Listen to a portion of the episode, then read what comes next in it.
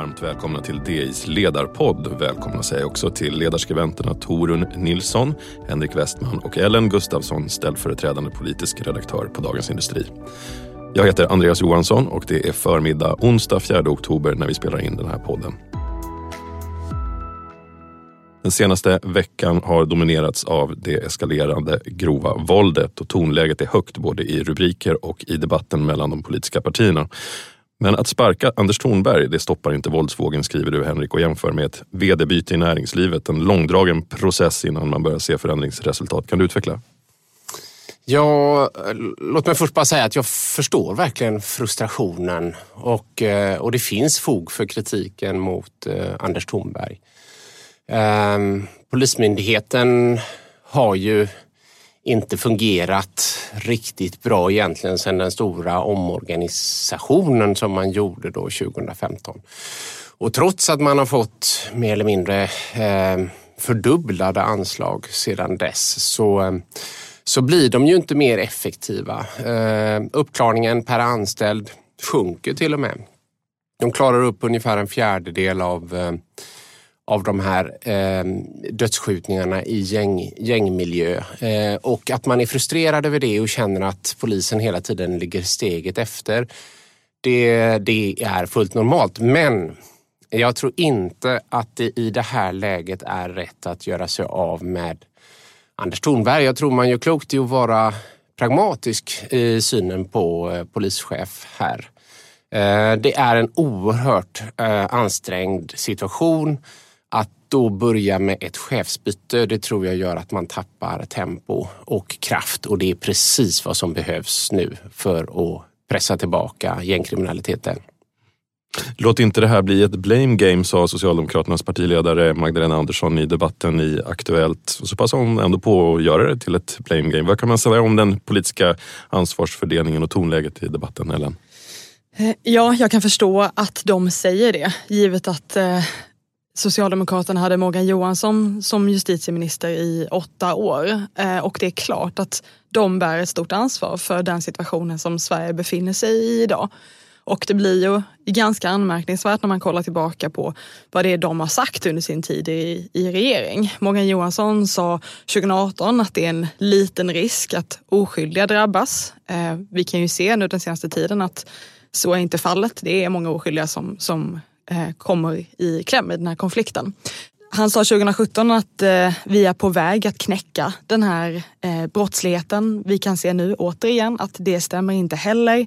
Vi kommer leva med den här kriminaliteten under lång tid framöver.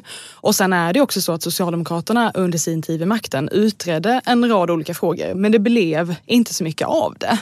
Eh, det gällde till exempel eh, fastighetsvärdars rätt att eh, vräka kriminella. Eh, det gäller också sekretess, att man ska kunna dela det mellan myndigheter. Så att de vill ju låta nu som att man har tagit ett stort ansvar men det är klart att de bär eh, en stor del i den situationen som, som vi befinner oss i. Eh, så att det, jag kan förstå att de vill eh, avleda fokus.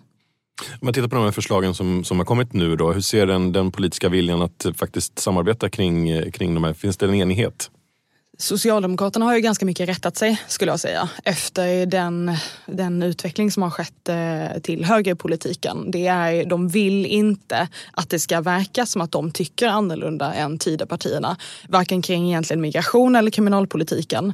Sen är det vissa frågor där man har opponerat sig. Eh, man gjorde det förra året kring visitationszoner, man har gjort det kring anonyma vittnen två åtgärder som jag tycker skulle vara bra i det här läget och jag tycker att det är bra att regeringen är tydlig med att de vill införa det.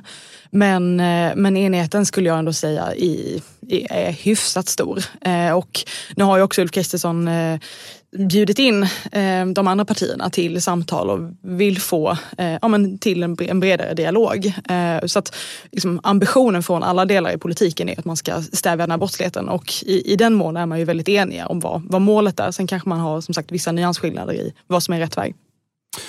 På tal om Ulf Kristersson att bjuda in så bjöd han också in eh, överbefälhavare Mikael Bydén och rikspolischefen Anders Thornberg för att se om Försvarsmakten kan vara behjälplig i arbetet mot de organiserade i gängen. En känslig fråga, eller hur Henrik? Eh, ja, det är en känslig fråga. Ehm, det finns ju den här historiken med, eh, med Ådalen förstås då, då man satte in militären mot, mot strejkande arbetare. Ehm, och det lever kvar och sen så finns det också en väldigt, väldigt tydlig uppdelning i Sverige mellan en yttre och en inre säkerhet och, och polisen sköter det inre och försvaret sköter det yttre. Men här är ju uppenbart att, att polisen behöver hjälp eh, egentligen på alla sätt och det finns expertis inom försvaret som skulle vara en stor tillgång för polisen. Och det är bland annat det här med med eh, bomb, bomb och bombundersökningar. Eh, det sprängs ju eh, något helt makalöst i Sverige. Sverige är ju unikt. Um, och sen har de ju en transportkapacitet som, som eh, polisen inte har och de, där har de redan ett samarbete. Där pågår ju ett, ett eh, samarbete mellan försvarets specialförband och om man får använda ordet specialförband om nationella insatsstyrkan också, alltså polisens polisens eh, särskilda eh, enhet. De har ju eh, redan eh, gjort skarpa operationer ihop. Så här finns ju redan ett utbyte och det tror jag verkligen kan utvecklas. Och, eh, ja, men, det, det, finns ju, jag, jag, jag, tror att man kan liksom verkligen bygga ut det men, men sen ska man nog inte ha någon förhoppning att det här kommer liksom vara en game changer i närtid. Men däremot är det ju viktigt på lång sikt för, eh, för brottsbekämpningen i Sverige. Vad kom ut av mötet då? Ja, det som kom ut av mötet var ju att eh, man skulle ge försvaret i uppdrag att eh, stötta just polisen.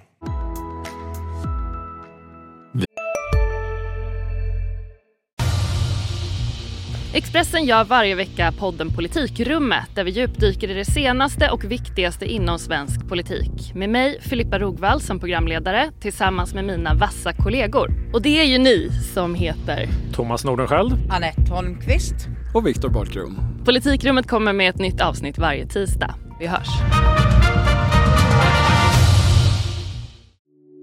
Hej, Ulf Kristersson här. På många sätt är det en mörk tid vi lever i. Men nu tar vi ett stort steg för att göra Sverige till en tryggare och säkrare plats. Sverige är nu medlem i Nato. En för alla, alla för en. Vi eh, byter ämne och ska prata om en historisk händelse. Idag är det nämligen exakt 40 år sedan, den 4 oktober 1983, när de stora protesterna mot löntagarfonderna skedde. Vad var det egentligen som hände Ellen? Mm. Det fanns vid den här tidpunkten en idé inom arbetarrörelsen att det fanns företag som, som gjorde övervinster och de kunde göra det egentligen för att, för att facket bedrev då en, en solidarisk lönemodell som det hette. Eh, som innebar att personer i framgångsrika företag eh, inte fick en bättre löneutveckling än de som arbetade i, i företag som gick lite sämre. Och att detta då ledde till, ledde till övervinster i, i de här eh, i särskilt framgångsrika företag. Och detta vill man då komma åt genom så kallade löntagarfonder. Eh, så att pengarna inte skulle tillfalla de som redan var rika, sa man i princip. Och eh, det här förslaget eh, utarbetades av LO. Eh, det var deras ekonom eh, Rudolf Meidner som presenterade ett förslag 1975 om att företag skulle avsätta en del av sin vinst i form av aktier som skulle gå till fackstyrda fonder. Eh, och eh, med tiden då så skulle de här fonderna bli allt större ägare i, i svenska bolag. Och eh, man räknade ut att på, på några decennier eh, så skulle de vara majoritetsägare. Så det här var ju en, en idé om en socialisering eh, av det svenska näringslivet. Och eh, givetvis så rörde detta upp eh, väldigt stora starka känslor i, i näringslivet med all, med all rätta. Eh, och eh, det var ju en, en, bred mobilisering från småföretag till storföretag. Eh, och det är ju väldigt sällan som jag ska säga, företag eller borgerliga för den delen är ute och demonstrerar. Men just i den här frågan så lyckades man då eh, frambåda den här största demonstrationen i, Sver i Sveriges moderna historia eh, mot den fondsocialism som man kallade detta. Eh, och sen så, ja, det, det, var en väldigt jobbig eh, historia rent politiskt. Det var eh, Socialdemokraterna som eh, sen då la fram ett, eh, ett visserligen urvattnat förslag. Det blev inte så illa så att säga som det hade kunnat bli om LO hade fått som de hade velat. Och eh, de avskaffade sen då eh, 91 när, när Moderaterna sen bildade regering. Eh, men, men det här var så att säga historien. Man pratar om att att den la grunden för andra liberaliseringar längre fram och att, att eh, man då från högerns håll sa att man förlorade slaget om själva löntagarfonderna men man vann slaget om fondsocialismen. Så det här var, det här var ju en väldigt stor förändring. Torun, hur har Socialdemokraternas politik förändrats eh, över tid? Det här med löntagarfonderna är en av många reträtter. Jag menar, Socialdemokraterna föddes ju som ett arbetarparti, ett fackföreningsparti i opposition mot arbetsgivare och därmed kapitalister och det har ju präglat partiet ända sedan dess. Trots att världen har förändrats väldigt mycket och även socialdemokratin. Och det, löntagarfonden var ju på 80-talet och då hade man redan slagit till reträtt på en rad andra områden. Svenska företag gick inte att finansiera i Sverige längre för att finansmarknaden var så reglerad. Man satte igång en jättestor avreglering under 80-talet som eh, blev så bakvänd och så omtumlande att man fick en djup finanskris i början av 90-talet. Och det bäddade ju också för att man sen gick med på en rad reformer. Och sen har man ju backat hela vägen. Man, man köpte den här avregleringen. Sen så började man banta offentlig sektor efter den här krisen. Eh, borgarna avskaffade de stora ägarskatterna på eh, 00-talet i alliansregeringen som har varit med ända sedan 40 och 30-talet som var ett jättestort ingrepp i äganderätten i Sverige och utarmade svenskt ägande och svenskt företagande kraftigt så att Sverige nästan var på väg att bli ett DDR. De behöll man och man har också behållit 3.12-regler även om man varit inne och liksom kladdat lite på dem och man behållit privat ägande i offentlig sektor. Trots att man just där hela tiden ifrågasätter vinsten istället för resultatet. Och det här är ett problem för Socialdemokraterna för de har då backat hela vägen men i retoriken erkänner de aldrig detta. De går aldrig med på att eh, det är bra att ha... De vill åter, pratar om att återinföra ägarskatter och sånt och det är dels riskabelt och sen så håller det ju folk i ovisshet. Och det är ett dilemma. Och de, eh, det är liksom makten framför allt och man säger inte riktigt som det är trots att man är delad i en socialistisk del och en mycket mer pragmatisk del. Och den här sprickan har funnits ända sedan ja, i hundra år. Men den blir ju liksom tydligare och tydligare i takt med att världen avregleras, globaliseras och alla inser att man kan inte göra affärer om man inte gör det på ett marknadsekonomiskt vis. Just nu har de ju väldigt fina siffror. Kanske i kraft av att Magdalena Andersson är så, verkar så duktig på att sköta landet. Men till slut så kommer hon vara tvungen att ta itu med den här sprickan. Och eh, annars är risken att partiet splittrats i en liberal del och sådana partier har vi redan och en eh, populistisk del som går både till höger och till vänster. Och, det bubblar ju upp också med ojämna mellanrum. Eh, den här, den här ådran finns ju där den lever. Synen på, på vinst och synen på privat ägande, synen på företagande som någonting lite suspekt. Verkligen, och den kan ju bubbla upp ännu mer nu om vi får lite tuffare tider när Kina backar och inte driver världsekonomin på samma sätt som tidigare och vi får nya tendenser, långvariga tendenser i inflation och räntor och så. Så kan det bli tuffa tider och då kan ju sånt här väckas till liv. Samtidigt som tuffa tider gör ju att kapitalisternas eh, pengar krymper. Det är det som är poängen med kapitalismen, man tar risk och då kan man tjäna i goda tider som det har varit och sen kan man förlora i dåliga. Mm, precis, det här populistiska begreppet övervinster har ju verkligen bubblat upp eh, igen Ellen. Det här skriver du också om i en eh, ledarspalt i tidningen. Kan du utveckla? Ja, man hör ju om eh, det här populistiska begreppet övervinster som var centralt för löntagarfonderna för 40 år sedan. Det, det återkommer ofta i debatten nu för tiden också. Eh, och det är vissa sektorer som det är eh, särskilt enkelt att enas kring och förfasas över som, som de här eh, liksom dyker upp i. Och vi har sett det på senaste tiden när det kommer till banker. Då har både Vänsterpartiet och under tisdagen även Socialdemokraterna sagt att de vill beskatta då bankernas övervinster. Tycker man kunde se liknande tendenser i våras kring, kring de höga matpriserna. I fjol så gick EU fram med ett förslag om att man ska eh, ta från energibolagens övervinster för att ge till hushållen.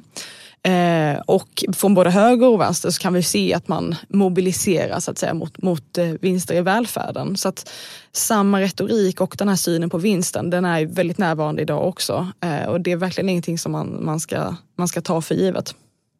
Jag tänkte på det här med löntagarfonder. Sprickan fanns ju inom socialdemokratin väldigt tydligt även där. Kjell-Olof Feldt som var finansminister är berömd för sin lilla lapp där. Eh, löntagarfonder är ett jävla skit, nu har vi baxat dem ända hit.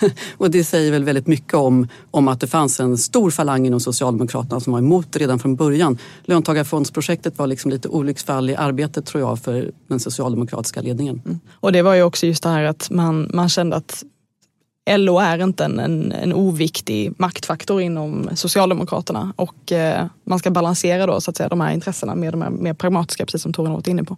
Jag har för mig att det till och med var ett misstag att Meidners rapport kom. Och när den väl hade kommit så gick den inte att begrava. ja, så kan det gå. Hej, Synoptik här. Hos oss får du hjälp med att ta hand om din ögonhälsa. Med vår synundersökning kan vi upptäcka både synförändringar och tecken på vanliga ögonsjukdomar. Boka tid på synoptik.se. Tack för det Torun, Ellen och Henrik. Missa inte våra andra poddar, Digitalpodden, Makrorådet, Analyspodden och Ögonblicket. Ansvarig utgivare Peter Fällman och vi hörs igen nästa vecka.